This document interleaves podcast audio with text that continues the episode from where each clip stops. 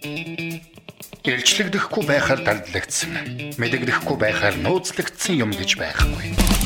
Тиймээс эрдэм мэдлэгийг урдж мэдгэсэд нь өөрсдийн гэрлээ ширээн дор бус ширээн дээр ил гаргаж байна. Brain Light Podcast тарих оюунда гэрэл асаая. Өмгөөллийн United Summit хуулийн фирм хамтран хүргэж байна. Гэр бүлийн радио 104.5 Brain Light Podcast хэлэхэд бэлэн болсон байна. За тэгэхээр өнөөдөр бид өмгөөллийн United Summit хуулийн фирмийн эрх зүйч мөнх цул маань хүрэлцэн ирж бидэрт хөгжлийн бэрхшээлтэй иргэдийн эрхийн асуудлын талаар бидэрт тодорхой мэдээлэл хүргэхээр ирсэн байна. За энэ өдрийн мэндийг хүргэе. Эдний өдрийн мэнд хүргэе. За. За тэгэхээр хөгжлийн бэрхшээлтэй иргэн аа гэж яг хинбэ те. Ер нь бол яг өнөөдөр манай Монгол улсын хууль тогтоомжинд эрх зүйн зохицуулалт нь бас ямар байгааг талаар бас мэдээлэл хүргээч гэж. Аха. За тэгэхээр хөгжлийн бэрхшээлтэй иргэн гэдэг нэр томьны үед бол бас сүүлийн үед хэрэгдэад байгаа шүү дээ. Тусгай хэрэгцээ тэгэл эсвэл хөгжлийн бэрхшээлтэй иргэн гээл эсвэл хөгжлийн бэрхшээл гэдэг нэр томьёо ер нь буруу байна гэдэг юм уу тиймэрхүү шүүмжлүүд бол нэр томьёоны үед бол байсан. Тэгээ яг 2006 онд бол хөгжлийн бэрхшээлтэй хүмүүсийн эрхийн тухай конвенц гэж олон улсын гэрээ конвенц батлагдсан. Тэгээ Монгол улс 2009 онд нэгдээ орсон маа. Тэгээ энэ яг конвенцэд нийцүүлээд нэр төм нь бол хөгжлийн бэрхшээлтэй хүн гэдгээр бол одоогийн байдлаар явж байгаа. Тэгээд биш. Аа тийм хөгжлийн бэрхшээлтэй хүн гэж явж байгаа тийм.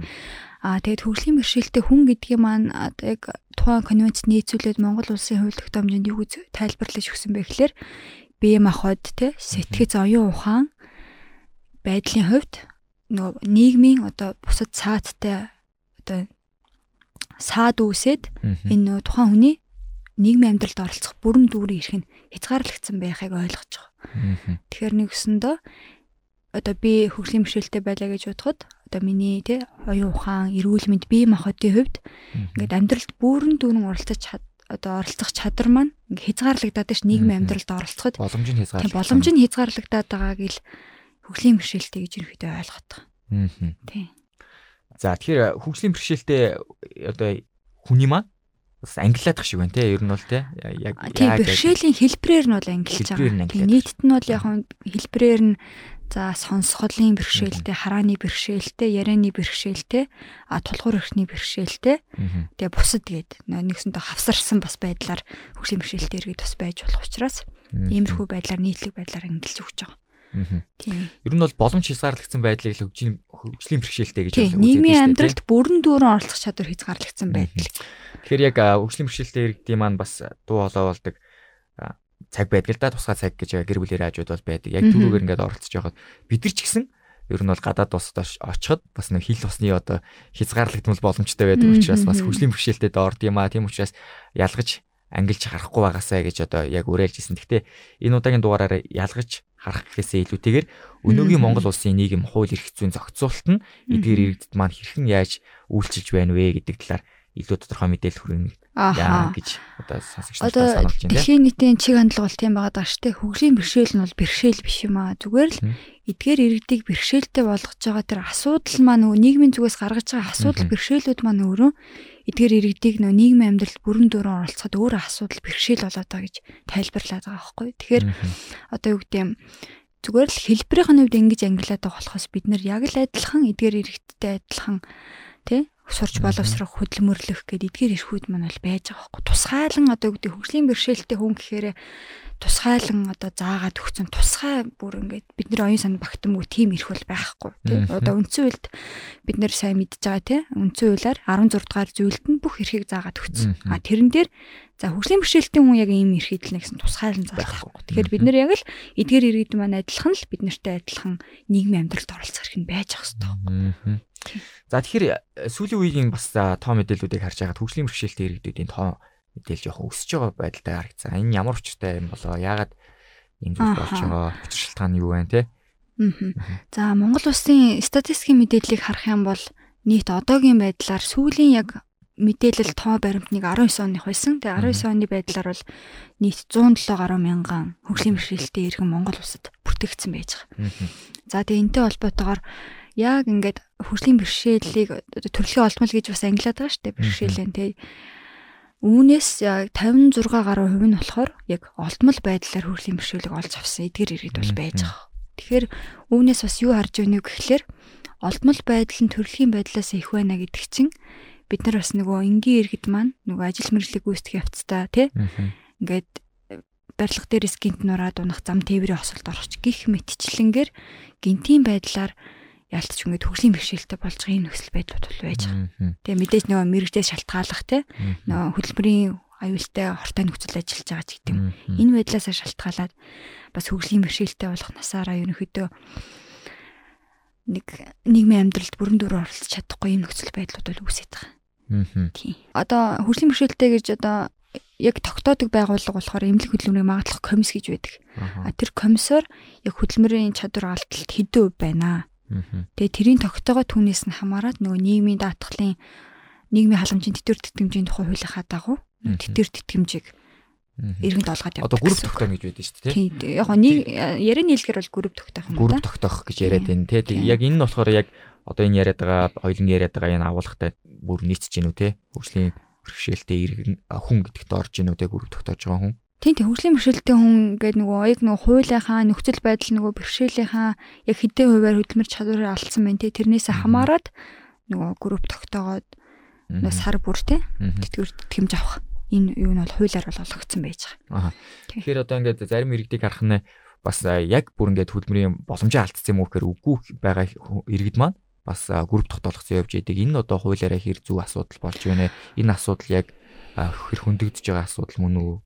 Аха эн чинь бас сүүлийн сайн нөгөө ковидоос хойш бас нэлээд яригдсан шүү дээ тий. Нийт одоо улсын зүгээс иргэдэд үзүүлж байгаа тэтгэр тэтгэмж тэр асуудал нь арай их байна тий. Хичнээн тооны тэтэр тэтгэмжийг олгож байна гэдэг. Яг иргэдийн нөгөө өөрсдийнхөө бас нөгөө иргэдийн л бас ухамсарын асуудалтай холбогдчихлоо юм л да. Ухамсараас шалтгаалаад нөгөө өөрсдөө нэг групп оруулах гад тий материал хурамчаар бүрдүүлэх юм гэх мэтчлэн бол асуудлууд бол байгаа. Гэхдээ тэрийг бол тухайн хуулийн хэлтийн байгууллага тий хөдөлмөр нийгмийн хамгааллын яам хөгжлийн бэрхшээлтийн хөгжлийн ерөнхий газар ч гэсэн ингээ байж байгаа.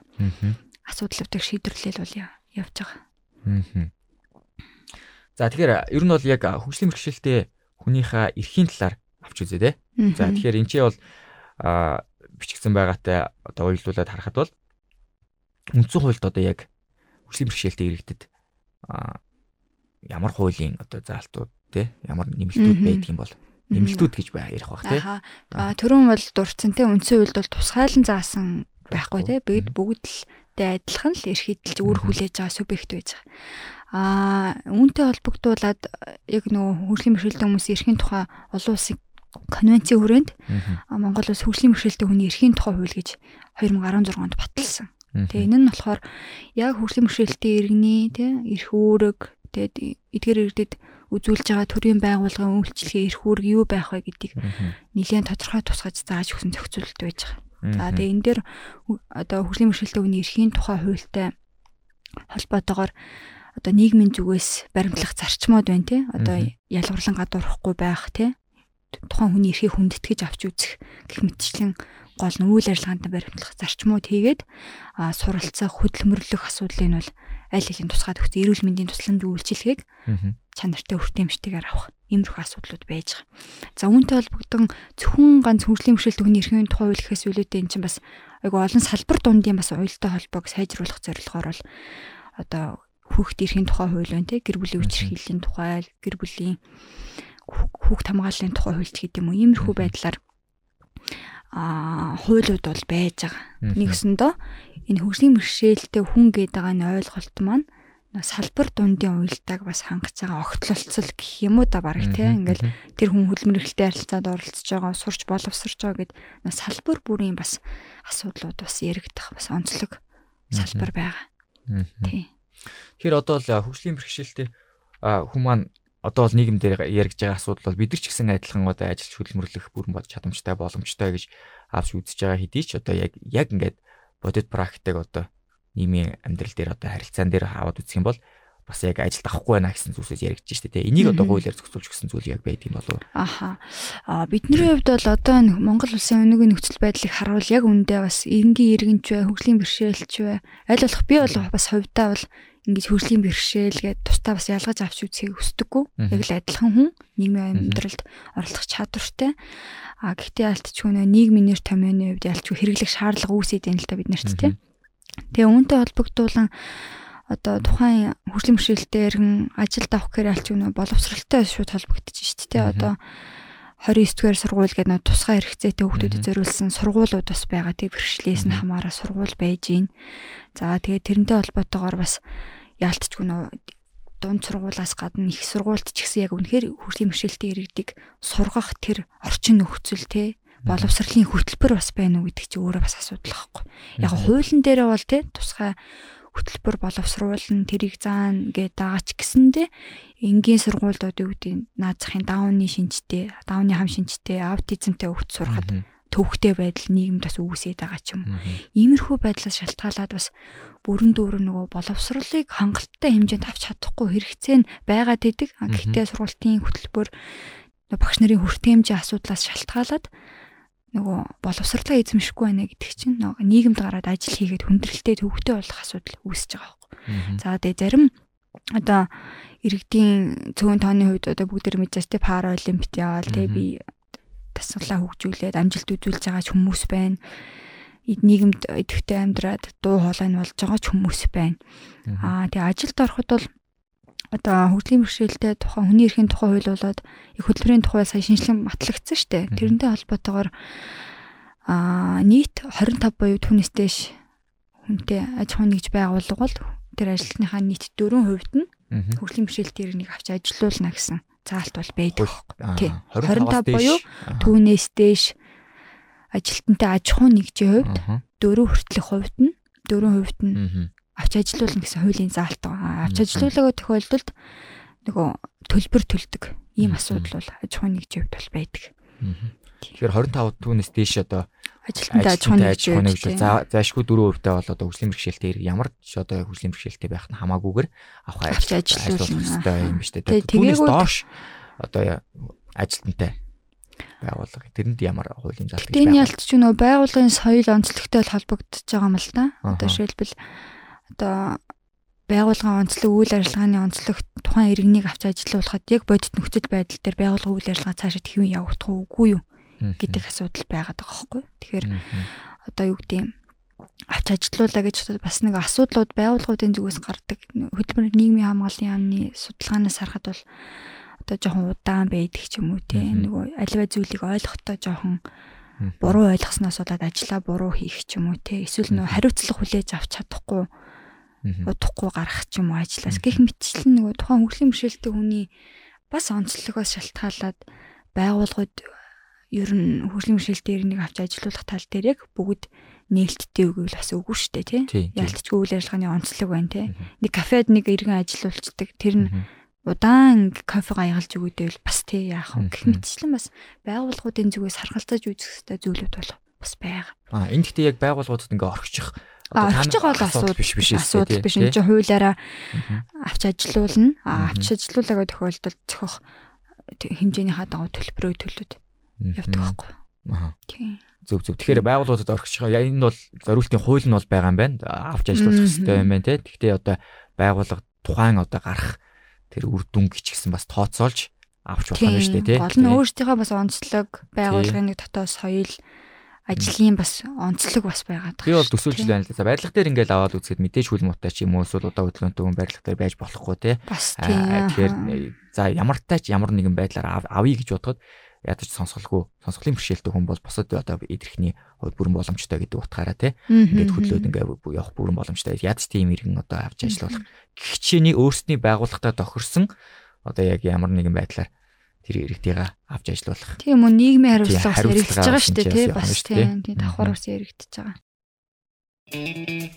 Илчлэгдэхгүй байхаар дандлагдсан. Мэдэгдэхгүй байхаар нууцлагдсан юм гэж байхгүй. Тиймээс эрдэм мэдлэгийг өртөж мэдгэсэд нь өөрсдийн гэрэл ширээн дор бус ширээн дээр ил гаргаж байна. Brain Light Podcast тарих оюунда гэрэл асаа. За тэгэхээр э, сургууль руу буцаад ингээ орё гэж бодож ин л та түрүүний ярьсан автизм даунтай хүүхдүүдийг одоо ингээд яг бусад хүүхдүүдийн адил ингээ сурах боломжгүй болчоод ингээд тусгай ингээд сургууль руу ингээд явуулах гэдэг. Гэтэл нөгөө тусгай сургуулиуд нь бас яг тэдгэр хүүхдүүд тохирсон сургууль байхгүй байгаад байдаг тий. Гэтэл одоо энийг ингээд дотроо авч явах хэрэгтэй байдаг. Яг энийг ингээ хуульчилсан зүйл яг байдаг юм уу? Жишээлбэл бол жишээр хам бол англи улсад бол яг энэ хөгжлийн бэрхшээлтэй хүүхдийн сурах асуудал дээр бол яг энгийн сургуульд хамруулж яг л бусад энгийн хүүхдүүдтэй адилхан сургаж өгдөг байхгүй. Тэгэхээр нөгөө тэр хүүхд энгийн хүүхд тэр хүүхдтэй харилцаад хамт суралцаад явна гэдэг чинь адилхан хүн юм биш дээ гэд тэ тэр хүнийг бас ойлгох тэгээ зүрх сэтгэлийн үед ч гэсэнтэй ойлгох тэр зүйлийг хүүхдэд сургаж өгч байгаа байхгүй. А яг хөгжлийн бэрхшээлтэй хүүхдээ эрхийн тухай хуульд ч гэсэн одоо хөгжлийн бэрхшээлтэй гэдэг байгаа иргэнийг энгийн сургуульд хамруулах тухай заалт ч гэсэн бол байгаа боломжтой. А яг нөгөө илүү нөгөө боловсрал олгох тал руугаа бол тусгай сургуулиуд бол байгаад байгаа шүү дээ. Тийм сая бас бид нэр ч гэсэн саяхан штэ баг 17 онд нөгөө тусгай сургууль төхөөний хэлтэй тий төхөөний хэлний багш байхгүй байна. Бид нар хангалттай боловсрал олж авч чадахгүй байна гээл чагсаал цуглаан хүмүүсийн үед болоод байсан тийм. Тийм яамны зүгээс яг одоогийн нөхцөл байдал эдгээр асуудалд үнэхээр яг шийдвэрлэгдсэн үү гэд тэгвэл бас л асуултын тэмдэг байгаа байхгүй. Тэгэхээр яалтчгүй боловсролын асуудал бол босод нөгөө өндөр хөгжилтэй эдгээр орнуудын яг адилхан нөгөө олон нийтийн хандлага бас байгаад байна тий. Яг одоо зүгээр хуульд мэдээж манай хууль тогтоомжийн хувьд бол хангалттай бол бүрэн зохицуулагдсан байхгүй.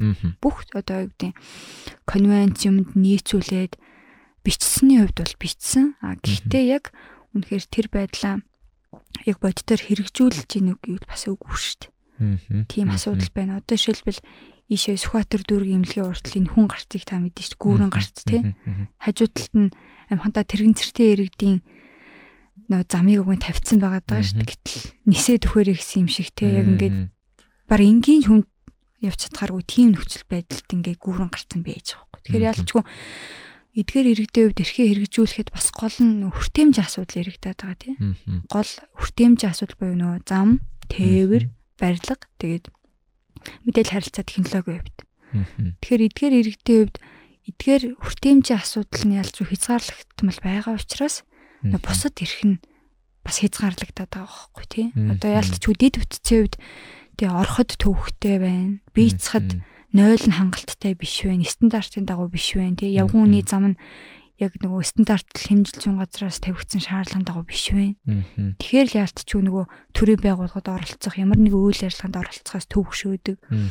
Ийм асуудлууд байгаа учраас тий эмнэлгийн тусламж авч чадахгүй ч гэдэг юм. Иймэрхүү байдлууд бол байсаар л бол байгаа.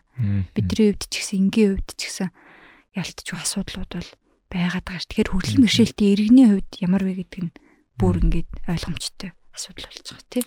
А тэгэхээр ер нь бол хууль эрх зүйн хүрээнд бол манайх бол хангалттай бол зохицуултыг нь бол бичиж тавьсан байна. Энэ бол зөвхөн цаасан дээр байж байгаа а тоо баримт одоо юу гэдэг чинь те зохицуултууд. А харин яг хэрэгжилтийн хувьд яг хэрэгжилт нь өөрөө хүртээмжтэй хэрэгжилт бол явагдахгүй байна гэж ойлгоод тэгээ түүнээс улбатаагаар юу болж байгаа гэх бол ихэвчлэн одоо сайн дурын одоо төсөл хөтөлбөрүүд ихэвчлэн одоо яг ингээд онцгоолоод онцгоолоод хүмүүсийг барьж аваад түн дээр ингээд төсөл хөтөлбөрүүд хэрэгжүүлээд те байгууллага хамт олонтой ингээд хамтарч байгаа харагчлаа хамгийн сүүл ингээд харахад автизмтай холбоотой нэг төсөл хөтөлбөр бас хэрэгжиж явж байгаа байхгүй. Тэр хүүхдүүдийн одоо зориулсан ном гэх жишээ нэ те.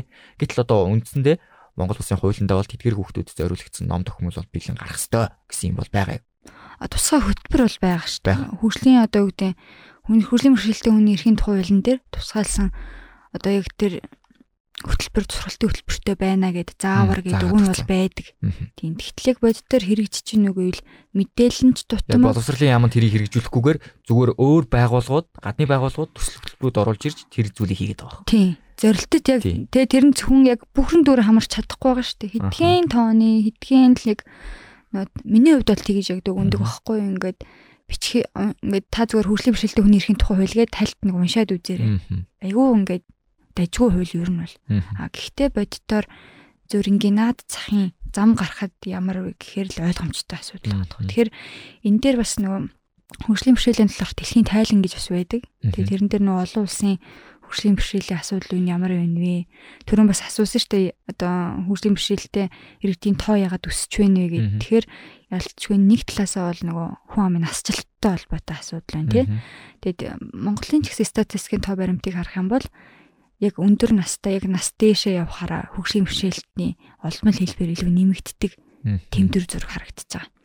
Аа тэгээд тэрхүү тайлан дээр бас дурдгдсан зүйл нь бас би энэтэй санал нийлдэг нь болохоор юу гэхээр хөгжлийн бэрхшээлтэй иргэдийн одоо ялангуяа тухайн одоо дунд орлоготой болон доогуур орлоготой оронд амьдардаг иргэдийн хувьд архаг өвчтэй байдал нь 65.5% гэж байгаа байхгүй хөгжлийн бэрхшээлтэй иргэдийн 65.5% нь архаг өвчтэй. Тэгэхээр энд юу харагдж байна гэхээр яалтчгүй энэний цаана айгүй олон асуудлууд хөндөгдөж байгаа байхгүй. Тийм ээ тий. Архаг өвчтэй яагаад эрүүл мэндийн тусламж үйлчлэгээ авч чадаагүй хөндрүүлсэн байж болно тий. Тэгээ архаг өвчтэй юм чи яаж юм? Орлого байхгүй. Тэгэхээр ялчгүй ядуу байна. Тэгээ ядуу байгаа учраас нөгөө нийгмийн харилцаанд бүрэн дүр оролцож чадахгүй. Тэгээ хаагдмал тусаарлагдмал байдалд ингээ үүсэж байгаа. Гэх зэрэг зүйлсүүд гэх зэрэг зүйлс бол байгаад байгаа. Тэгээ сая бас 16-аас 20 онд Монгол улсд бас хөгжлийн бэрхшээлтэй хүний эрхийн одоо тий оролцоог хангах тэр хөтөлбөр бол ямарсан яваад хэрэгжиж дууссан байгаа. Тэгээд бас энэ дээр ярихад гол онцлог нь 18 онд хөгжлийн бэрхшээлтэй хүний хөгжлийн ерөнхий газар гэж байгуулагдсан тусгай агентлаг болж байгуулагдсан. Энэ бас нэг талаараа давуу талтай тий. Яг эдгээр иргэд рүү яг 100% хандаж одоо тэдний эрх хууль ёсны ашиг сонирхлыг хамгаалахад бас төхөм хамгаалдаг байгууллага гарч ирнэ гэдэг чинь айгүй чухал. Тэгээ одоо яг байгуулагдаад бас 4 жил гарan болцсон байна. Бас аваа хугацаа өнгөрсөн. Тэгээ мэдээж анх байгуулагдаа явж байгаа учраас мэдээж үйл ажиллагаанд жигдрэх яг энэ тал дээр ялангуяа одоо хуулийн хэрэгжилтийг хангах тодорхой арга хэмжээ хөтөлбөрөд боловсруулах тал дээр бол хөлмөр нийгмийн хамгааллын яам тэгэл гэр бүл хөх залуучуудын хөгжлийн газарч гэдэг юм уу иймэрхүү нөгөө бас төрийн агентлагууд бол бас тодорхой хэмжээний үйл ажлыг бол хийж байгаа гэж харагддаг л та. Гэхдээ мэдээж тэдний ажлыг өгөөсгөж бас болохгүй тэр чинь. Салбарынхаа уялдаа холбоог хангах гад нийцүүлэх гээд л ажил хөдөлмөрөө хийгээл явж байгаа байгууллагууд шүү дээ. Гэхдээ яг өнөөдрийн төвшөнд бол хангалттай байна уу гэвэл хуулийн төрөний ярьсан шиг иймэрхүү асуудлууд байна тий. Тийм болохоор ялтчгүй энийг ялангуяа олон нийтийн хандлага аа хөршийн бишэлтэй гэж сонсоод байгаа бол яг өндөө ойлгож мэдэрч байгаа хэд байгаа вэ тий. Одоо нийт эдгээр иргэдийн хамгаалах нийт 600 гаруй төрийн бас байгууллага байдаг гэж байгаа байхгүй юу? 600 гаруй шүү дээ. Тэгэхээр яг бодиттой үрдэн өгөөд ажиллаж байгаа төрийн бас яг идэвхтэй үйл ажиллагаа явуулж байгаа байгууллага хэдвэ гэдгийг бас бид нар мэдэхгүй. Тийм болохоор ер нь олон нийтийн зүгээс бас эдгээр иргэдийнхэн одоо ойлголт хандлагыг өөрчлөхтэй адилхан хүн гэдэг талаас нь авч үзэх. Туйлын бол хэрэгтэй шаардлага байгаа л гэдгийг би бас хэлмээр байдیں۔ Тэгэхээр төрөний статистикийг бас шүү дээ. Олдмол байдал нь илүү байна гэдгээр энгийн иргэд маань ч гэсэн нөгөө өөрсдийнхөө ажил амьдралынхаа явцдаа нөгөө хөдөлмөрийн аюулгүй байдалтай эрүүл ахуй тэр зүйлээ бас сайн сайтар хангаж ажиллах хэрэгцээтэй бас байгаад байгаа. Тэгэхээр яг улсаас бол ингээд нэг тоон судалгаа гаргах тийм байсан. Ер нь бол хэд байна аа манай Монгол улсын хэмжээнд одоо тэдэн хөгжлийн бэрхшээлтэй иргэн байна гэдэг тоон судалгаа гаргадаг юм байж тэгтэл яг хөгжлийн бэрхшээлтэй иргэд маань өөрсдөө тус тустай холбоо байгуулад тус тустай өөрсдийнхөө эрхийг хамгаалуулахаар ингээд яваад байгаа харагдаж байна л да. Одоо тэгэхээр энэ сая бол ингээд агентлаг байгуулагдлаа гэдэг чинь. За тэгэхээр альва нэгэн хөгжлийн бэрхшээлтэй иргэн өөрийнх нь эрхийн зөрчигдлөө гэж үзвэл хамгийн түрүүнд хаашаа хандах хэвтэй вэ? Өөрийнхөө холбоонд хандах хэвтэй юу? Эсвэл одоо яг энэ агентлаг руу хандах хэвтэй юу? Тэ? Яаж одоо эрхээ одоо сэргийлэх одоо тийм тийм нэг алхмуудыг шатаарааллуудыг бас нэг хэлж өгөх бас хэрэгтэй болов гэж бодож байна. А эдгээр иргэд маань бас өөрсдөө бас дунд дунд холбоонууд бас байгаадаа та бас мэддэг бах тий Монголын хараагүйчүүдийн холбоо сонсолтой иргэдийн холбоо ч гэдэг юм. Энэ холбоонууд байж байгаа. Тэгээ гол нь энэ холбоонууд маань өөрсдөө өөрсдийнхөө хувьд эрх ашиг хамгаалах үүднээс л ажиллаж байгаа байгууллагууд шүү дээ. За тэгэхээр холбоогоороо дамжуулаад одоо хөгжлийн бэрхшээлтэй хүний хөгжлийн ерхий газартай хандах боломжтой байж байгаа. Холбоогоороо дамжуулж хандах хэрэгтэй. А холбоогоороо дамжуулж одоо би юу ярих гэдэг нь гэхээр нэгдсэн зохион байгуулалттай гэсэн үг шүү дээ тий. Одоо би хараагүйчтэй холбоонд ажилладаг байлаа гэж тод бидэрт ийм асуудлууд байна тий. Энэ хуулийн дээр бид нар ийм сандлыг оруулах хэрэгтэй байна. Ийм ажлууд биднэрт хэрэгтэй байна гэж хүсэлтэд гаргаж хандах боломжтой. А иргэний хувьд ч бол чөлөөтэй шүү дээ. Иргэнээс төрийн байгууллага албан тушаалтанд төсөлт гомдол өргөдлөө гаргах бүрэн эрхтэй тийм. Хөгжлийн бэрхшээлтэй болохоор тустай байна гэсэн үг биш байхгүй. Аа би болохоор ойлгохдоо заавал нөгөө агентлаг руугаа хандах хэрэгтэй юм болов уу гэж ойлгоодсон байхгүй. Үгүй юу тийм. Аггүй одоо шилбэл би хөгжлийн бэрхшээлтэй байгаад одоо юу гэдэг одоо энэ зам гарахад надад хүндрэлтэй байна. Тэ? Энийгээ засаач. Агентлаг руугаа хандаад тэ? Чөлөөтэй байхгүй. Тэгэхээр тусгаарлаа заавал агаан талхаар дамжаад тэгээ дээшээ явна гэсэн юм бол байхгүй шүү дээ. Одоо тухайн иргэн одоо үгдийн хүчрхийлэл өртөөд дээ шүү дээ. Тэгвэл агаан талх руугаа залгаал намайг хүчрхийлээд ин гэхгүй шүү дээ. Шууд цагдаагийн байгууллага хандаад ийм асуудлууд нь ингэн. Тэгэхээр ялтч гүнөө сонсголын бэрхшээлтэй хүний хувьд бас илүү жоохон бэрхшээлтэй. Яг л сонсохгүй учраас тэгэд тэрийг хүлээж авч ойлгох төхөөний хэлтэй мэрэгжилтэн төрийн байгууллагуудад ер нь хомс баг байхгүй. Яг хөгжлийн бэрхшээлтэй үний ерөнхий хөгжлийн ерөнхий газраас бол төхөөний хэлний агашны сургалтуудыг зарим төрлийн байгууллагуудад хийгээ явж байгаа зүйл байгаа. А гэхдээ яг шууд ингээл үгд эрүүл мэндийн яг тэр тухайн төрлийн байгууллагад очиод төхөөнийхөө хэлээр ингээд те сайн байна уу? Ингээд их гээд бол төрийн байгууллагын албан шуулал ойлгохгүй шүү дээ. Тийм шүү дээ. Тэгэхээр ялчгүй иймэрхүү бас төрийн байгууллага болоод иргэдүүдийн аль аль талаас л анхаарч авч үзэхтэй асуудлууд бол тоочоод бол дуусахгүй асуудлууд бол байгаад байгаа. Ер нь бол аливаа хууль тогтоомж яг энэ хууль тогтоомжинд байхгүй асуудал байх юм бол олон улсын одоо гэрээ конвенцэд тохиолдсон а бичигдсэн хууль тогтоомжоор зохицуулагдана гэсэн байдаг тийм. Тэгэхээр яг сая бол конвенц одоо 2006 онд бол болсон юм байна. Тэгэхээр энтэйгээр манад яг байхгүйгээр зөвхөн энэ конвенцийн одоо хууль тогтоомжоор зохицуулагддаг тийм зүйл гэж банад байгаа юу? А ер нь бол энэ чинь олон улсын гэрээ конвенцт Монгол улс те нэгдэ ороод дагаж саяхан батална гэдэг чинь. Тухайн гэрээ конвенцт нийцүүлэл нөгөө өөрсдийнхөө онцлог те дотоод нөгөө эрх зүйн системд уялдуулаад зохицуулж байгаа байхгүй. Тэгэхээр түрүүн хэлсэнчлэн тухайн одоо эрх зүйн хууль тогтоомжийг харах юм бол ерөнхийдөө бол бидний хувьд хангалттай те. Тодорхой хэмжээнд бас тийм ч юм уу биш байдлаар ерөнхийдөө бол бичигдсэн байхгүй. Одоо хэрэгжилтийн асуудал дээр мэдээж нөгөө хэсэг яг бүрэн дүүрэн хамрах тий тэр асуудал тутмаг бол байгаад байгаа л гэж харж байгаа. Хэрэгжилтэн тэгвэл яг яаж явагдах хэвтэй вэ? Таны бодлоор бас тий шүний үед. Ааха одоо эдгээр иргэдийн хувьд одоо эрхээ хамгаалуулахаар тухайн яг хөгжлийн бэрхшээлтэй хүний эрхийн тухай хувьд бол байгууллагын чиглэл байгаа шүү дээ. Улсын хурал бол хууль тогтоох. Тэгэхээр эдгээр иргэдийн эрх шиг хамгаалахтай холбоотой хуулийг тогтоон тий. Аа тэгээд засгийн газар руу хэрэгжүүлэгч. Тэгэхээр хэрэгжүүлэгч засгийн газар хэрэгжүүлэхийн тулд өөрсдийнхөө нэг төрийн захиргааны байгууллага яам агентлагаараа дамжуулаад тухайн чиг үүргээ шат шат бүрт нөгөө засаг захиргааны шат бүртээ хэрэгжүүлээд явж байгаа тий. Цагдаа байна. За гэр бүл хөгж залуучуудын хөгжлийн газар байна. Хөгжлийн бэрхшээлтийн хөгжлийн ерхий газар За тэгээ энэний дэргэд түшгэлсэн юу гэдэг хөгжлийн бэрхшээлтэй хүүхдийн цэгийн цэргийн засаг хөгжлийн төвч гэдэг юм уу. Иймэрхүү шат бүр байгууллага төрийн байгууллагын шат бүрт эдгээр иргэдийн гэдэг эрх оролцоо өөр хамааралтай. Тэгээд тэр нөх хөгжлийн бэрхшээлтэй эрхийн талаарх дэлхийн тайланд бас дурдгдсан зүйл нь бодлого стандарт нь тодорхойгүй. Аа манай. Тэгэхээр манай улсын хувьд бол харьцангуй тодорхой тий ойлгомжтой. А гэхдээ яг шат бүр дээрээ хуулийг хэрэгжүүлэхдээ хуулийг батлахтаа дагаж мөрдөхтөө тухайн иргэдийн хэрэгцээ эрх шиг сонирхлыг харгалзаж гэнэ үү гэдэг асуудал байгаад байгаа. Тэгэхээр тухайн тайланд эсвэл бодлого стандарт тохиромжгүй эсвэл тэр иргэдийн эрх шиг сонирхлыг анхаардаггүй байдал байна. Тэгэхээр тодорхой боловч тэдгээр иргэдийн эрх сонирхлыг хамгаалах хэрэгцээ шаардлага тэр зүйлийг ингээ мэдрээд те ингэж ажиллахгүй байна л гэдэг чинь цаанаа дээл хуулийн хийдэл те байгааг илэрхийлж байгаа. Бас нэг хэлбэр болж өгч байгаа байхгүй. Тийм.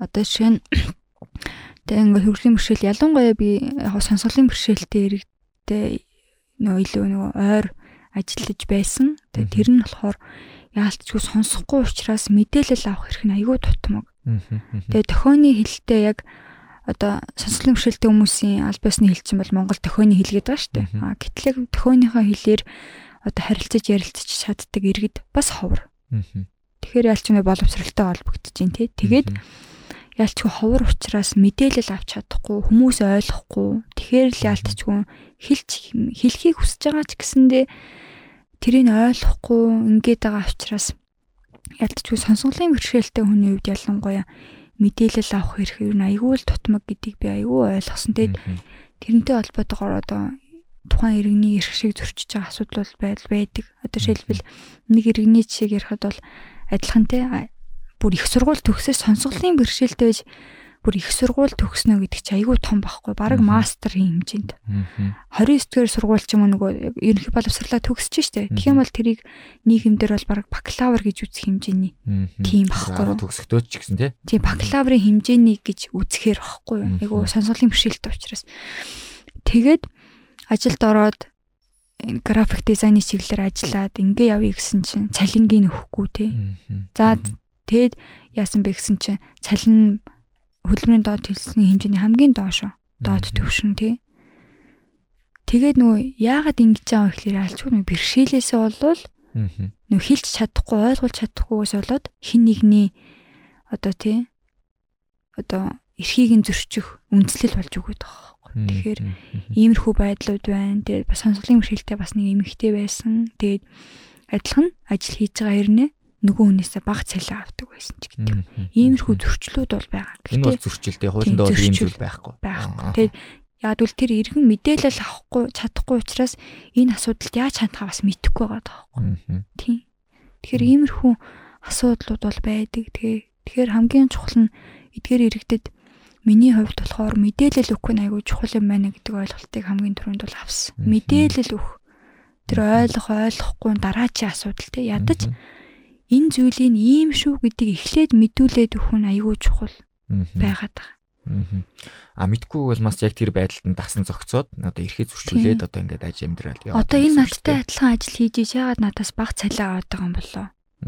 Яа гэм бол энэний хуулинд мэдхгүй учраас арга хэмжээ авч чадахгүй.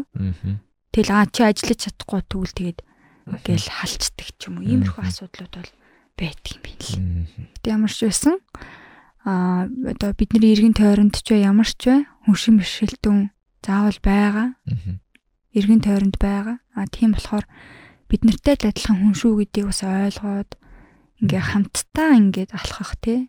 Тийм одоо иргэд байгаасай л гэж хүсэж байна. Тэгвэл болохоор хууль нь бол байгаа. Тэгээ төрийн байгууллагууд бол цох мэдээж ажиллаа хийгээ явж байгаа. Гэхдээ хангалттай биш байгаа учраас бас энэ зүйлийн төлөө бас анхаарад бас хүн нэг бүр бас тухайн хүний эрхийг хүндэтгээсээ ялгуурлан гадуурхгүй байгаасай л гэж хүсэж байна да. За маш их баярлалаа. Тэгээд өнөөдөр өмгөөл United Summit хуулийн фирмийн эрх зүйч мөнх зул хөрөлцөн ирж хөгжлийн бэрхшээлтэй хүний эрхийн асуудлын талаар мэдээллийг хүргэлээ. Сонсогчдод бас мэдээлэл болсон баг гэж бодож байна. Баяртай. Баярлалаа. Баяртай. Подкастыг өмгөөллийн United Summit хуулийн фирм хамтран хүргэлээ. Илчлэгдэхгүй байхаар дандлагдсан. Мэдэгдэхгүй байхаар нууцлагдсан юм гэж байхгүй. Тиймээс эрдэм мэдлэгийг өртөж мэдгэсэд нь өөрсдийн гэрэл ширээн дор бус ширээн дээр ил гаргаж байна. Brain Light Podcast тарих оюунда гэрэл асаа.